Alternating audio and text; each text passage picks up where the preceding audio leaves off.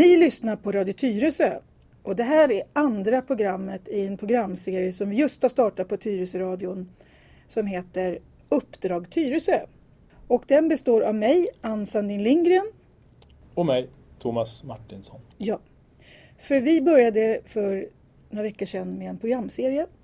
Och då tänkte jag kolla med dig Thomas som då är helt ny här på radion. Hur var det att göra ett radioprogram?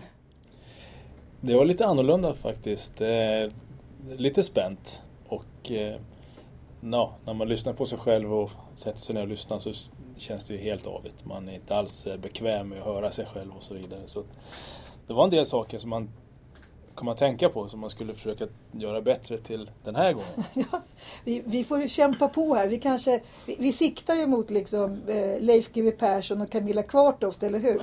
ja. nej, nej, det gör vi inte. Nej, men, men eh, jag kan säga att eh, jag har fått många lyssnarreaktioner. Jag får lyssnarreaktioner på mig själv att jag talar för fort. Så jag ska försöka tala lite långsammare. Men jag talar fort i vanliga fall också. Mm, ja, det var lite, det var, det var det, bland annat det som jag tänkte mig själv när jag hörde mig själv prata. Att man, man pratade lite väl fort och det har väl kanske lite med, med, med ja, situationen som sådan, ja. en viss anspänning att göra och så vidare. Och att man just de facto sitter i en intervjusituation. Ja. Om man ska göra det. Men vi kommer snart bli jättetrygga i det här. Sen har jag fått jättemycket bra alltså, kommentarer från folk som tycker det är väldigt intressant. Så att jag tror inte jag fått så mycket kommentarer på något program förut som det här. Nej, det, det, det var likadant med mig här. Det är flera, många av mina vänner både på Facebook och på annat håll som har hört av sig och sagt att, eh, att det har varit, väldigt, väldigt, var ett väldigt bra radioprogram. Det var väldigt intressant och eh, de önskade att få höra fortsättning här. Ja, precis. Ja.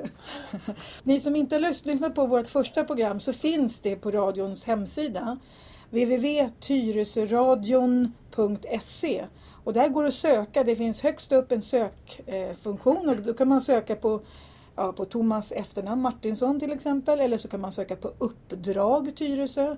Eller så kan man gå in på arkivet så hittar man våra program.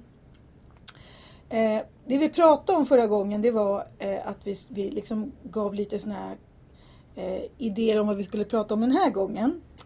Och då nämnde vi, vi, vi pratade nämligen om, i förra programmet om ditt liv. Du berättade om din uppväxt och hur, varför du ville bli polis. Så det kan man lyssna på där. Men vi nämnde också någonting som jag tycker är jätteintressant som du har berättat. Nämligen att du har jobbat i Liberia.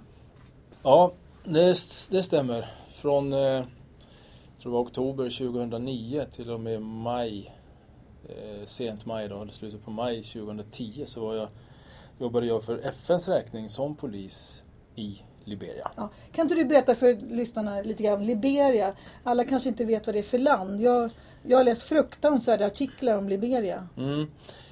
Det var barnsoldater inblandat med det där. Mm. Vad, vad hette han som ledde barnsoldaterna? Ja, det var flera. Det var väl någon, en av dem, det var två som slog sig ihop då. Johnson, Charles Taylor då, Just som det, Charles var föremål för tribunalen i Haag då. Ja, de har, brott mot blev, mänskligheten. Han blev dömd va? Jag tror att han blev dömd. Ja. Mm. Eh, jag har ju faktiskt inte följt upp det Nej. så mycket. Men, eh, men var här, du var där innan han åkte till Haag? Att han blev...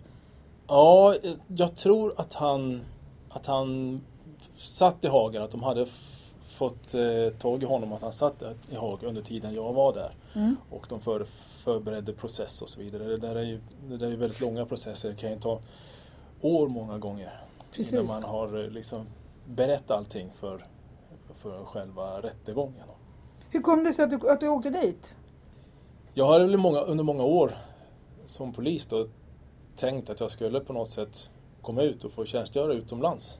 I och med att jag då har en far från Afrika så föll det sig naturligt att Afrika blev ett intressant mål för mig. Och eh, de alternativ som fanns då, det var ju Sudan och Liberia. Och tanken var ju att jag skulle åka till Sudan först. Jag hade sökt Sudan och blivit uttagen och sådär. Men i samma veva så tror jag också presidenten i Sudan blev föremål för mm, intresse i Haag då, mm. för tribunalen i Haag. Och, och i och med det så började han krångla och sådär. Så det var väl tre stycken utav åtta som skulle eh, till Sudan som fick visum. Mm. Men, uh, och vi andra, fick, eh, vi andra fick vänta och då fick vi vänta ytterligare ett halvår och sen så blev det ingen öppning på det. Utan då fick vi möjligheten att åka till Liberia istället. Mm. Men man då, är man anställd av FN som polis? Ja, du är där under FNs regi. Fast du är, det är de som har hand om, om, om insatsen så att säga. Det är de som är ansvariga för insatsen. Men Mm. jag åker dit i, som en del av många, alltså som svensk polis som bidrar till att eh, höja förtroende för rättsväsendet i Liberia och det gör även de olika andra Mm. Man är inte. FN-soldat utan man är polis. Man är Alltså, polis. hur, hur, ser, hur ser folket där att du är polis? Vi hade våra svenska polisiära uniformer. Det hade ni? Vi hade vi, vi, ja, det var allt utom vapen. Okej. Det, det var en, en monitoring eh, resa så att säga. Alltså Mm. det, monitoring heter det. Där man, det är egentligen bara när man observerar och tittar utan eh, vapen. Fanns det fortfarande fullt med barnsoldater? Eh, Var det krig när ni var där? Det var, eller det var över då kriget? Det, kriget hade, hade slutat där. Jag tror att det slutade vid 2003-2004 då när amerikanerna och bland annat, bland annat var, var där. Mm. Och, eh, Men var det fullt med barnsoldater kvar då? Ja, det är fortfarande barnsoldater kvar fast det är inte krig. Nej. Men de som fick sina föräldrar mördade och lemlästade liksom framför deras ögon. Då, Mm.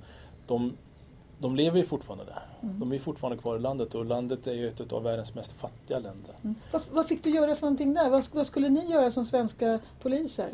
Just jag och min kollega som var där hade och ja, hela svenska kontingenten om man, om man då säger så, det, i det stora hade att hjälpa lokal, de, lokala poliserna till att bygga upp ett förtroende för, för eh, invånarna i landet. För där brast det, De litade varken på militär eller på nej, polis. för de blev ju väldigt hårt drabbade. Mm. Många utav de här som eh, Charles Taylor och, och Prince Johnson eller vad, Mm. vad de nu hette. De tog sig in i byar och mördade, och hade ihjäl halva byn, Mm. byn och föräldrar och sånt där. Och sen så tog de barnen då för att de skulle utföra deras ja, krig då så att säga. Mm. Så att de blev ju väldigt hårt drabbade, allmänheten.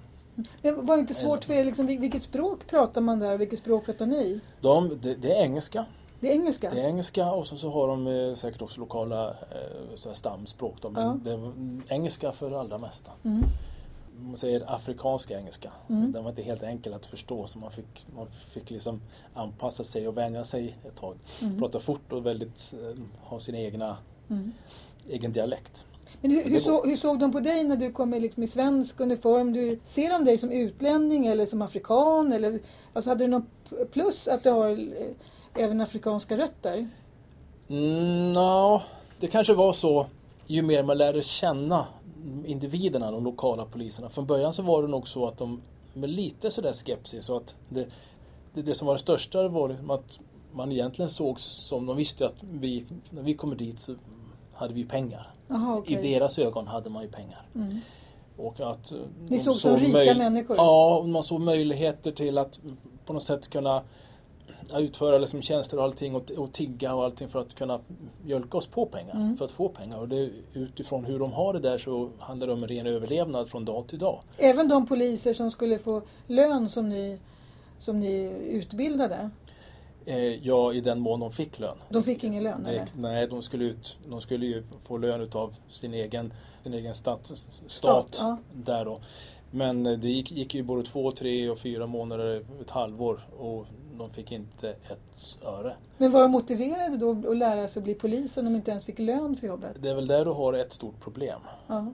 De är satta att vara polis men motivationen, för de har ju också familjer, de har ju också munnar att mätta Ja, ja. de ska överleva. Mm. Eh, och om man då inte får det erkännandet utav sin egen stat att, att utföra ett jobb Mm. så var ju motivationen eh, inte sällan si och så. Mm. Men det kunde man kompensera liksom för att vi fick en sån bra kontakt med de lokala poliserna där. Och I alla fall jag och min svenska kollega. Mm. Det var skillnad på varifrån, vilket land man kom, Mm. ska, ska sägas. Vadå, svenskar hade bra status? i Ja, de, vi var omtyckta. N- Varför då? Nordiska, skan, skandinaver generellt. Varför då? Jag tror, och det jag har hört innan, och- det de själva berättar om, att vi la oss vinn om att bry oss om dem. Att Visa respekt? att visa respekt för dem och bry oss om dem utifrån deras historia, var de kommer ifrån, hur deras familjer ser ut och Mm. sådär. Så att vi, vi, vi byggde vår relation från de plattformarna. Ja. Medan ja, många andra länder hade, har ju liksom frankt ska sägas har väl inget intresse annat Mm. än att bara är där och tjäna pengar. Mhm. För man tjänar pengar, så man tjänar bra med pengar när man är utomlands. När man jobbar som FN, Ja. under FN? Ja, det gör man. Mm. Men, eh, men många liksom visar inte den respekten utan de brydde sig inte om att ta kontakt eller, och många gånger fullfölja sina arbetsuppgifter. Mhm. Det kunde man skita i också. Mm. För man satt och bara räknade in dollar som Mhm. tickade in. Men hur kände du att du gjorde någon nytta där då? Jag kände att jag gjorde nytta utifrån min relation som jag skapade med dem jag jobbade mot. Mm. Jag är lite mer tveksam till FN som sådan, som Mm. helhet. För det är lite grann, har lite av en papperstiger. Man har goda intentioner med FN, att alla ska vara med och, och bidra till en bättre värld. Ja, och det är jag första att skriva under på. För det var, det, det, var, det var poliser från hela världen som var där? Alltså, Ja. Ni var ett helt gäng. Hur många var ni där som var? Ja, det, det är från hela världen. Det är, Mm. det är en mängd olika länder. Så det var, måste vara intressant att träffa alla dessa poliser som har helt olika värdegrund. Ja, problemet är det du säger nu, det är värdegrunden. Många, som jag, ja, som jag nämnde då, så är många där liksom helt och hållet ute för, sin e- för sina egna syften. Egna vinning. E- Sin egen vinning. Mm. Och har inte det här liksom kallet att man på något sätt försöker att eh, bidra med att förbättra någonting. Mm. FN står för att man har den goda tanken, alla ska vara med och hjälpa till. Mm. Men man kan heller inte utifrån det perspektivet bygga exempelvis genderfrågor, alltså Mm. mm, Jämställdhet. jämställdhetsfrågor med en plattform från Sverige i norr till Bangladesh, Indien och eh, Dubai i söder Mm. och afrikanska länder. För då, vi har helt olika synsätt på vad jämlikhet är. Mm. Det innebär inte att länder i Afrika eller Dubai, Bangladesh liksom har att, att de alla gånger ser ner på kvinnor. Mm. Många gånger är det så. Men, men lika väl många gånger så är det så att de har, de har liksom ett, ett, ett annat förhållningssätt Mm. hur, me, me, mellan män och kvinnor. Ett roller som är mycket mer djupt rotade i, i som exempelvis i Bangladesh, i traditionellt ja, Traditionella roller. ja, än vad vi har här. Mm. Som vi hade förut kanske i Som Sverige. vi hade på 1700-1800-talet, Mm, mm, mm. 1800-talet så. Mm. Och i dagsläget är det ju svårt att från gemensam plattform ta alla länder som ska bygga på ett västerländskt sätt Mm. hur vi, ska, hur vi tittar på jämställdhet. Mm. Det, är där, det är där för mig FN inte klarar av Mm. att knyta ihop säcken. Mm. Men tanken är god, men det funkar inte riktigt så, det funkar inte riktigt så eh, i verkligheten. Jag tänker på det som du sä- säger att nordiska poliser var uppskattade.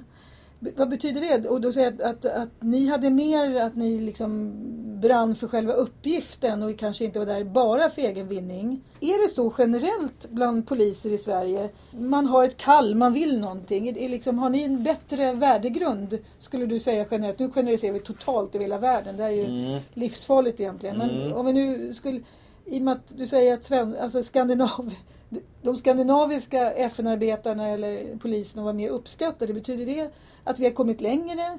Att vi är mer jämställda? Att vi har bättre respekt? Att ni som poliser jobbar på ett bättre sätt? Vad skulle du säga?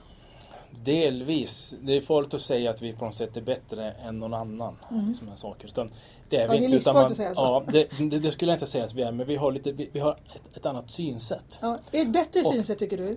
Ja, jag tycker det. Som västerlänning och Ja. uppvuxen här så är det ju som för mig en självklarhet. Mm. Att jämlikhet, det, det, det, så ska det vara. Du, du, respekterar, du respekterar en individ som, som den är. Mm. Inte en man för att den är man och en kvinna för att den är kvinna. Utan du respekterar individen. Mm. Sen får individen vara hur, Schysst eller hur, inte den, hur, den, hur den vill. Mm. Men det handlar om en respekt för individen, Okej, för ja. människan. Mm. Och, men som du var inne på innan, det handlar ju om, om synsätt. Mm. Det handlar om traditioner och kultur Mm. som många länder har. Jag, jag vet som ett exempel, när vi var i Liberia så hade vi olika, två veckors, under en två veckors tid utbildning i Monrovia. Mm. Vad är Monrovia? Monrovia är huvudstaden? huvudstaden Mm. i, i Liberia.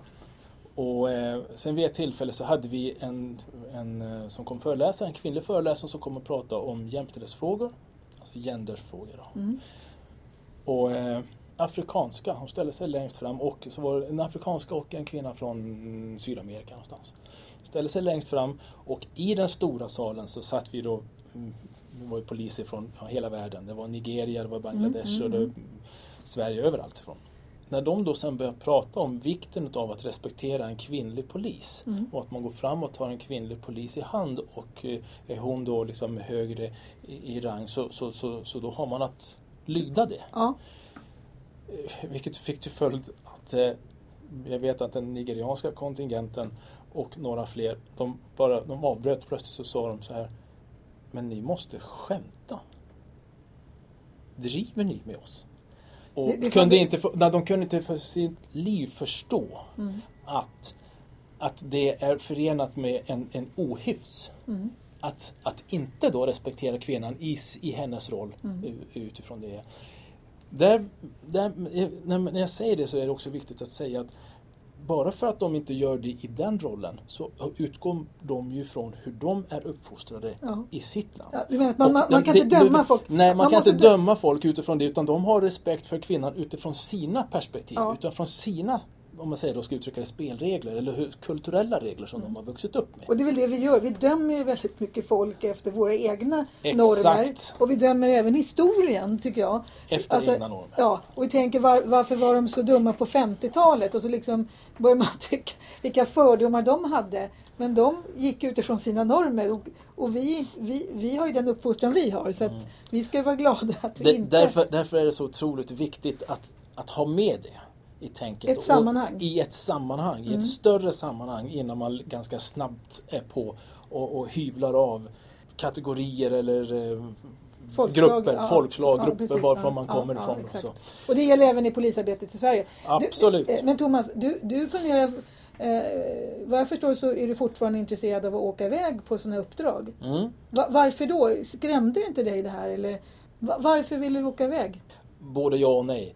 Eh, men för det första så måste man inse och ganska snabbt komma liksom fram till att världen är inte rättvis. Nej. Världen kommer aldrig bli rättvis. Jo, men den går åt rätt håll kanske. Man kan Den göra den mer rättvis Ja. men du kommer aldrig kunna få den rättvis så länge du har naturtillgångar och olika resurser i världen Nej. som är på olika håll. Det, det, det, det är min utgångspunkt. Mm.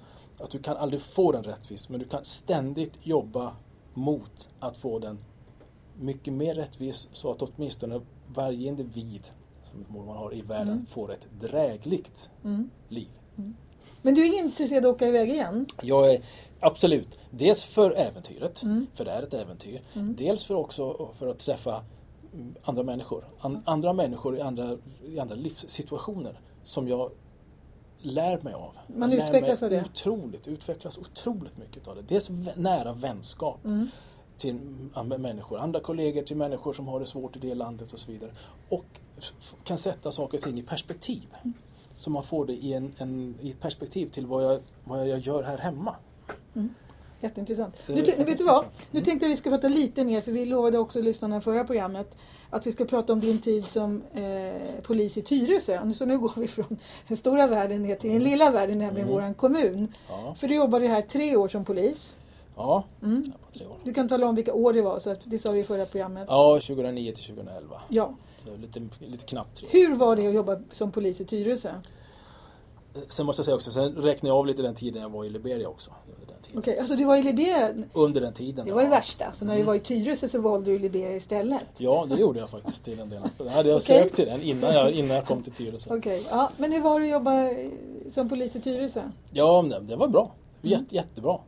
Härliga kollegor och, eh, på alla, alla sätt och vis. Som verkligen sliter och jobbar och, och, och försöker liksom hålla upp och göra det, det, det de kan, verkligen. Mm. Det är inte lätt, för de, de har inte mycket resurser att spela med. Jag vet inte hur det är, men, men jag ser ju inte så himla mycket poliser. Men du sa förut så här att Tyresö är en av de polistätaste kommunerna. Vad menar du med det? Ja, eh, eh, Tyresö kommun, eh, där bor det väldigt många poliser. Det. Det är kul. Mm, men, eh, Men de de jobbar ju på ett, Ja, alltså, då, alltså, är, alltså inte, inte som... De existerar inte här som poliser. Nej. Utan de existerar och bor här som privatpersoner. Ja, men kul. de är boendes i Tyresö De kanske-. Mycket. Det är en positiv grej att man som polis ändå väljer att bo i Tyresö. Ja, Men innebär det att Tyresö är en bra kommun? Har vi mycket bus i Tyresö? Alltså, det är en generell fråga. Jag vet. Så- jag, så jag, det jag, är- är- ja, den jag får den att ställa sådana just nu. Det finns, Det, det, det finns bus i, i Tyresö. Ja. Precis som det finns bus i Tensta och eh, i Alby och Saltsjöbaden och Danderyd. N- när, när du jobbar här, vilka var problemen? För det jag har hört hela tiden det är att vi har mycket droger i Tyresö. Ja, det är en problematik Tyresö dras med. Och det är mycket cannabis, alltså hasch. Man röker hasch. Man röker vilka hasch. är det som röker hasch? Det, det är mycket ungdomar. Tyvärr, vilken ålder, tråkigt. vilken ålder är de? Ja, som man säger, en ålder, men ja, de som är väldigt tidigt ute, de kan ju vara ute till och med 12, men det är väl, det är väl eh, undantag än så länge. Men jag menar, du har ju de högstadiet där någonstans. Mm. Säk- 15, 16, 17, 18. Där. okej. Och det, det är väl en, en grupp som det tenderas till att man prövar på.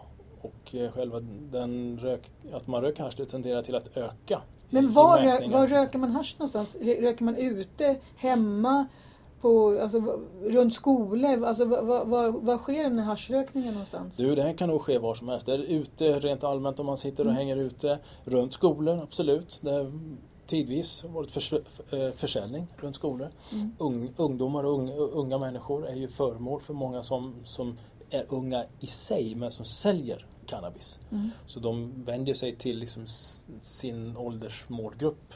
Röker man det som cigaretter eller röker man i pipor? Vad röker man? Cigaretter. Cigaretter? Cigaretter oftast. Och du är på fester. Mm. Och du, liksom, så det, sker, det, skulle, det kan ske var som helst och de samlas ut i någon park på kvällstid någonstans. Och sådär. Är det mest på sommaren då eller är det året runt skulle du säga? Nej, jag skulle nog säga att det är året runt. Det som sker sommartid, tyvärr, i Tyresö och på många andra ställen också, att då dras Dels har du semestrar och sånt där som ska, poliser ska ha. Sen är det ju också så att man får täcka upp en så kallad sommarorganisation. Alltså eh, ordningsavdelningen, den avdelningen som akut, åker ut akut på olika brott. Eh, där måste liksom då de här närpolisstationerna i ytterområdena stärka upp inne på centralorten. f- folk ska ha semester? För folk ska ha semester, man behöver stärka upp så. Under, under sommaren, så får vi, under hösten så får vi ofta in nya namn. Mm. Nya personer som vi inte liksom har, har mm, sett i, krets, i cannabiskretsar innan. Och det sker mycket under sommaren. Men du, du menar så här, att, att som närpolis har man ganska bra koll på man, man vet ungefär vilka ungdomar som är värst ute. Man har, man har koll på de här värstingarna man säger Det skulle så. jag vilja säga att man har rätt bra koll på dem Ja. och eh, periferin runt omkring där. Sen så kommer man till sommaren och sen så Då träffas ungdomar, nya ungdomar träffar varandra. Framförallt så får, har vi inte resurser. Vi säger utifrån att perspektivet Mm. att jag jobbar på en Tyresö Närpo här nu, Mm. vilket jag Näpo, gör. närpolis. Närpolis, ja. Eh, men då, då tas resurserna ifrån närpolisstationerna till centralstationen. Eh, stationen. Mm. Vilket då gör att då tappar vi den kontrollen. Och, eh, Då händer det saker. Då, det, då händer det saker. Då, någon, någon ungdom provar på igen, provar på första gången. Ja, och, precis. Nya konstellationer då, de träffar. Nya, nya ungdomskonstellationer. Man rör sen sig ut i, man sitter i Alby, man åker... Jajamensan. Har du lust att nämna några platser? Liksom, om, man, om, om jag nu är förälder, mina barn är som tur var vuxna. Men när mina barn var i tonåren så var jag ju också, man, man är ju orolig. Alltså var, var, var, var sker det här någonstans? Är det liksom på speciella ställen? Är det runt centrum i Tyresö? Är det någon, någon fritidsgård? Alltså, vad, vad skulle, om du var, alltså, var skulle du inte gilla att dina barn var? Alltså, hur skulle, om, om det sitter nu några föräldrar och lyssnar på det här, vad ska man säga för någonting? Eh, Hur ser det gen- ut? Ja, generellt så kan man inte riktigt säga. eller som- g- Generellt så är det så att där det finns, där ungdomarna hänger, Ja, där finns det. Okej. Mm, gen- it- Inte på alla ställen nödvändigtvis, men där ungdomarna finns för tillfället, där de tycker det är roligt, där, där finns även cannabisen Mm. i, i, i olika stor ut, utsträckning. Det kan också vara, det kan- det kan vara på fester när föräldrarna har semester. För, föräldra, I- i- föräldrafria hus, fester kan det vara. Du kan ha dem vid, i Alby, samlas de där när de samlas och grillar eller någonting. Mm. Så det är alltid, alltid, alltid, ska jag inte säga, men väldigt ofta så är det en eller två som har med sig någon som kommer till de här liksom, ställena. Och, så gillar, Okej, och, och har med sig också. någonting. Säljer eller har med sig och låter andra pröva och så vidare. Mm. Det är hemma, hemma hos folk och de, det kan vara i, me, mellan fastigheter, inne i bostadsområden någonstans där de kan hålla sig undan. Så att det där är eh, fritidsgårdar. Inte, ja, Självklart inte i fritidsgårdar för där har ju de, Mm. De är de har ju världens de, koll. De har ju världens koll. Mm. Och, är- och är det så att det är någon som kommer in och det är påtänd där så, så mm, har de världens koll och med- meddelar både polis och socialsekreterare och föräldrar i den delen. Mm. Liksom så. Men, eh, men, men där ungdomarna finns, där finns också risk att det finns Mm. Vet du, jag kan berätta en historia. Du och jag är ju aktiva i Socialdemokraterna. För väldigt många år sedan så ordnade sossarna i Tyresö brasa nere i Alby. Och då var det så att vi som då ordnade den här brasan, det var en massa stånd och såna grejer, nu är det andra som ordnar den. Då var man ju tvungen att stanna kvar där på kvällen på Valborg, alltså när det var Valborgs eld. Och så brann den där brasan ner och då var det, försvann ju alla vuxna. Och så var det säkert hund, en kväll, var det, eller en valborg, var det hundra ungdomar där nere vid backen i Alby. Eh, och så blev det bråk. Det var flera kam såna här kamratstödjare och flera såna här föräldravandrare. Men det blev bråk mellan ungdomar så vi stod ju där väldigt, vi hade på sådana här, eh, för du var ju också föräldravandrare. Och vi stod där med våra gula eh, västar och vi hade ingen aning om varför det var bråk, vi förstod ingenting. Det ringdes på polisen, det kom dit eh, polisbilar. Det blev jättestor, alltså läskig stämning där för att de här poliserna som kom kände inte ungdomarna. Sen kom fältassistenterna som vi hade på den tiden, vi hade jättemånga. Och de hade ju namn på allihopa. Nu vet jag inte men vad de hette, någonting. Lägg av Olle. Eller, alltså, och de visste ju att de här, varför de här två ungdomarna var förbannade på varandra, då hade det hänt någonting. Så plötsligt från att vara, som vi tyckte, en väldigt hotfull stämning så var det några som kände de här ungdomarna med namn och så bara pöste ner liksom. Och så var de med vanliga Olle och Pelle och Kalle och Jamal och allt vad de hette för någonting. Va? Men det var liksom häftigt att, att det, var, eh, det var just de här de som kom från gården då som kände dem som kunde dämpa det där. Och det var en sån här väldigt stor aha-upplevelse för mig att att det är viktigt att det finns, liksom, då kanske närpoliser som känner ungdomar. Alltså det... Där har du lite grann beviset på att igenkänningsfaktorn är oerhört kraftfull. Ja. Och det är det som är en närpolis, en närpolis absolut, ett av närpolisens absolut största arbetsverktyg. Att man vet vad de heter, man att känner dem, man kan snacka med dem. Du har en personkännedom. Ja. Du kan tilltala dem vid namn, du har en relation, tilltala dem vid namn. Mm. De är plötsligt inte anonyma. Nej. Och det är en oerhört stark. Ja, för, för, för mig var det bara en läskig stor pöbel med ungdomar som var förbannade. Så jag blev ju livrädd för jag hade ingen aning om vilka de där var. Men sen när, när det upplöstes så var det liksom vanliga ungdomar som var förbannade på varandra. Det är det det är. Mm. Men det måste också ges resurser till, för mig, så det här är min högst personliga, men för mig är det ofattbart att man skär ner på resurserna inom, alltså, som är närpolis organisationen. Mm. Att man skär ner på det. För jag, jag, vi vill påstå, självklart så måste vi ha en, en, en ut, utryckningsenhet som kan, som kan akut rycka ut på saker som mm. händer. Det är självklart, det är det ena grundbenet i en polisiär organisation. Och, men då är det inte säkert att de poliserna som kommer känner ungdomarna? Eller? Mest troligt att de inte gör Nej, för det gjorde inte de, här. nej, för de har ju de åker, mycket större, de åker på allt möjligt i ja. mycket större områden. Ja. Men igenkänningsfaktorn som du pratar om här mm. är det andra benet som för mig är väldigt, väldigt viktigt. Det är en, närpol en stark närpolisorganisation.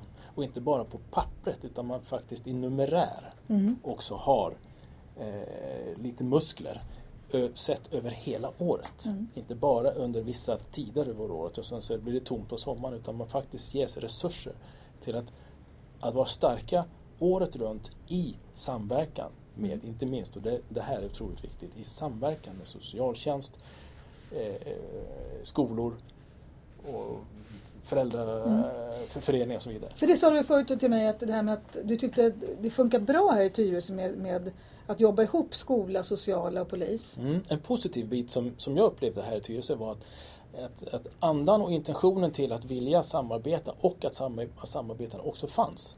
Det var just kontakten med socialtjänst, eh, skolor. Vi hade här eh, ja, varje polisman här då, eller i alla fall då när jag jobbade här, hade en eller två skolor som man ansvarade för. Mm. Eh, vilket innebar att man hade all möjlig kontakt. Man åkte dit ibland eller man liksom de, de, de, kunde, de kunde ringa eller man kunde ringa dit och sådär. De hade lite större ansvar för den skolan att, att ta reda på Vil, det som hände. Vilka skolor var du på? Eh, jag hade Dalskolan och Krusbodaskolan. Mm. Och så var jag en del, faktiskt en hel del Tyresö skola hette det. Mm. Men, men de jag var som prickade för så att säga, det var Dalskolan och eh, Krusboda. Mm.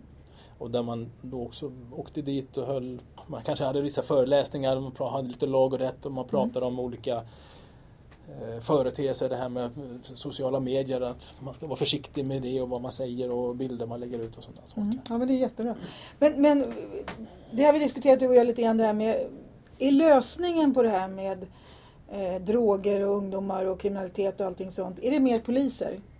Nej, nej det tror jag inte. Lös, inte. Inte bara. Lösningen på det är väl, är väl att ju fler poliser vi har på plats ute. Ute ja. Ja, ute. Desto desto mer kan man ligga på ungdomarna, desto mer, desto mer oro hos dem att man ska bli ertappad. Att man, är, att, att man blir ertappad, då ja. vill man inte bli. Och det är väl en positiv sak. Ja. Men att orsakerna till varför droganvändandet, cannabiset ökar.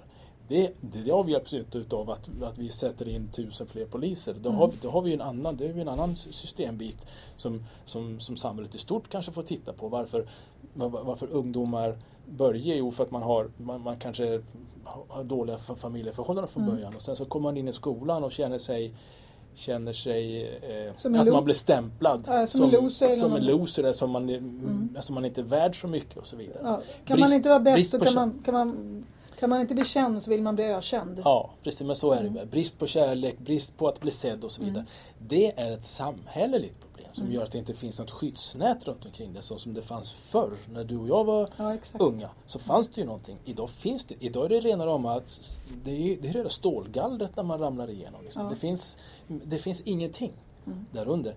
Det är, eh, tror jag, ett stort skäl till att det här ökar. För att cannabis och de som brukar den säger att det är ju liksom en flykt. Det är en skön flykt för många att ta till. Mm. Därför att det hjälper dem, säger i alla fall väldigt många ungdomar pratar om, det hjälper dem att det är en skön känsla att fly, alltså man, fly, fly, fly, fly problemen, fly ja, verkligheten ja, och de här problemen som gnager i dem hela mm. tiden. Ja och sen är det här med jobb att om man inte om man inte går ut grundskolan, inte går ut gymnasiet eller liksom högskolan så har man inte så jättestor chans att få bra jobb heller. Så idag har ju de här ungdomarna som det, som det inte går så bra för skolan väldigt dåliga framtidsutsikter.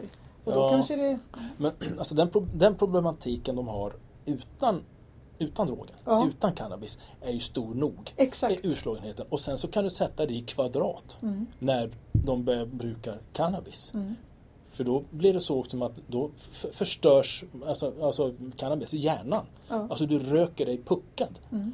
Och då, då, då, har du verkligen i alla fall inga, många, chans, många gånger ingen chans att kunna hämta hem. Nej, inte ens plugga om du skulle inte vilja plugga, sen. Nej, för du har förstört. Nej. nej. Mm. Så det, det, kan du sätta i kvadrat, den problematiken. Om vi nu, nu hinner vi nu tyvärr inte så mycket mer. Det här tycker jag var jätteintressant. Vi ska genast göra ett nytt program om det här. Eh, jag tänkte, om det finns nu lyssnare som sitter där och undrar, man är förälder, man har barn i ja, 12, 15, eh, alltså i tonåren.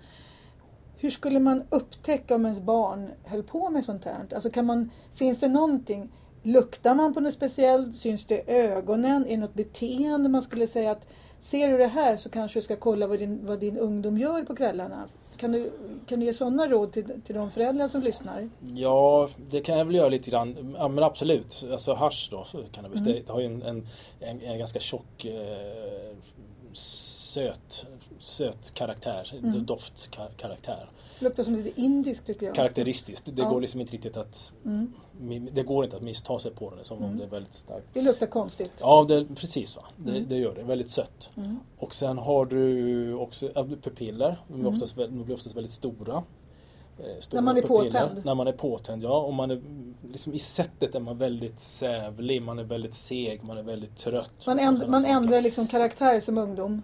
Ja, själ och karaktär ändras liksom sådär. Så är man en förälder som på något sätt ändå har någorlunda kontakt med sina barn. Mm. Idag, tyvärr, är det väldigt mycket att föräldrarna liksom söker sin egen tid. Mm. Alltså avståndet mellan barn och förälder har, har ökat. Mm.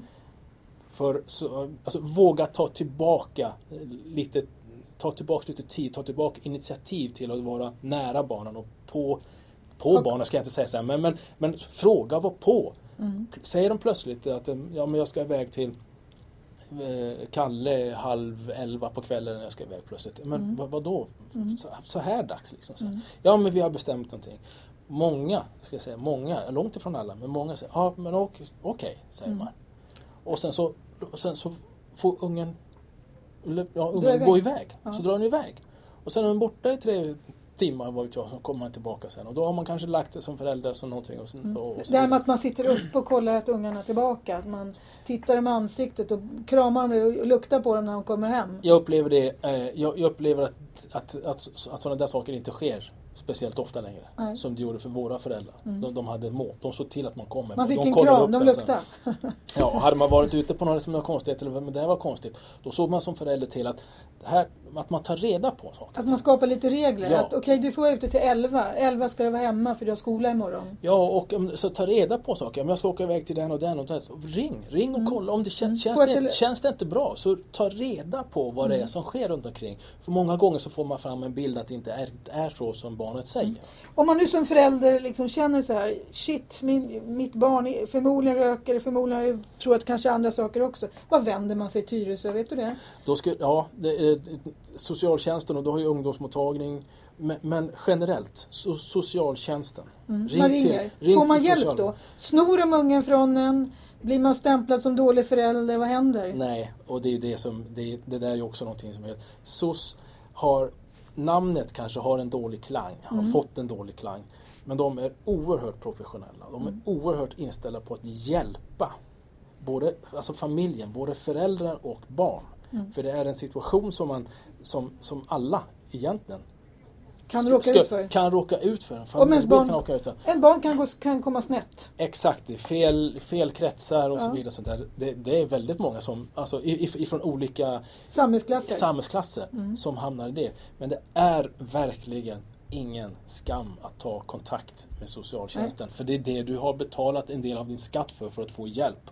Och du har professionell hjälp där. De är oerhört professionella och duktiga. Mm. Framförallt vill, välvilliga till att göra en skillnad, att Mm. hjälpa till. Jättebra. Thomas, nu har vi dragit över vår programtid bara för att det är så intressant där. Vi, vi, vi ska ju fortsätta i de här programmen så jag kommer ställa mer frågor för jag tycker nämligen att det här är jätteintressant själv. Både du och jag sitter ju som suppleanter i socialnämnden så vi kommer ju få möjlighet. Vi, vi kommer inte kunna påverka så mycket. Vi är i opposition. Vi, du och jag är ju socialdemokrater. Så är det. Och så att vi, men vi kan i alla fall försöka eh, komma med bra inspel i socialnämnden. Det ni, ja, vill du säga någonting? Mm, jag vill bara säga det att självklart så finns det möten och även, alltså finns det liksom, även inom socialtjänsten som det finns inom polis och lärare och allting. Mm. Mm, säkert man har träffat på handläggare eller någonting där man inte har fått en speciellt bra kontakt. Mm. Mm. Men det innebär inte att du ska lägga ner. Eh, liksom Man ska att ta fortsätta få kontakt. Men ring in och säg att ja, men det här, vi har inte en speciellt bra kontakt. Utan vi vill få liksom, exempelvis få en annan handläggare eller någonting Ja. sådär. För det är där, det, det är dit först och främst du ska vända dig för att du ska få den bästa inslussningen till vart du kan vända dig om du har problem. Jättebra. Det får bli våra slutord i det här eh, programmet.